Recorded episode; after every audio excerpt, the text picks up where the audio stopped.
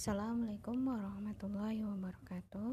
Saya Nur Hikmah, ibu profesional bernama saya akan menyampaikan temuan hari ke-9 tentang bahasa cinta pada 15 hari tantangan komunikasi produktif.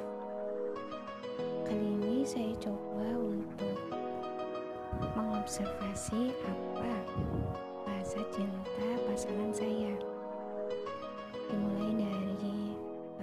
saya coba setting. Temuan kali ini yaitu ketika suami saya bangun tidur untuk sholat subuh ke masjid tiba-tiba beliau memeluk saya. Nah ketika itu saya coba menawarkan ayah mau dibikinin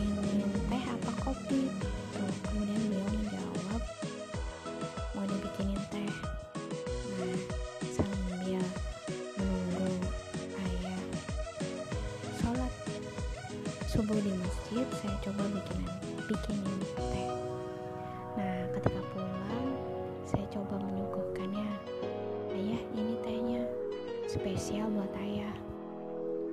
Kemudian dengan wajah yang berbinar beliau menjawab terima kasih bunda.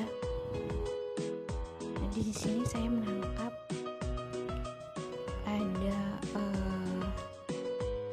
kesan yang mendalam ketika saya memberikan pelayanan.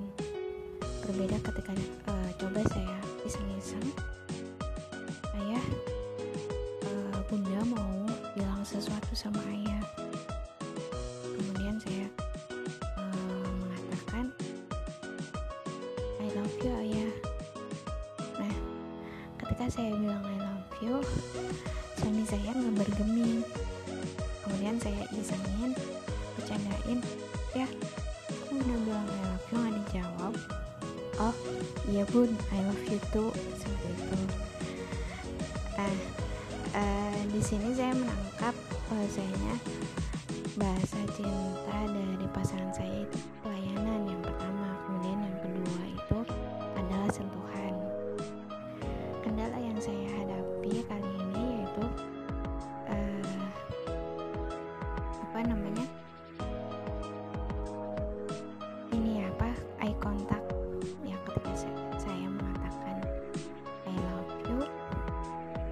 posisi suami saya enggak menghadap uh, melihat saya seperti itu. Nah uh, poin dari komunikasi produktif kali ini yaitu tentang uh, penyampaian pesan yang jelas. Saya tawarkan uh, sesuatu yang jelas ayah mau ini ya apa ini? seperti itu. Kemudian menggunakan suara dan intonasi yang ramah seperti itu. Jadi lebih uh, tersampai. Seperti itu. Nah selanjutnya apa yang saya akan lakukan besok? Tunggu ya. Tunggu uh, kejutan hari esok yang pastinya tentang komunikasi produktif. Demikian uh, apa? Penyampaian tentang temuan hari ini semoga menginspirasi. Wassalamualaikum warahmatullahi wabarakatuh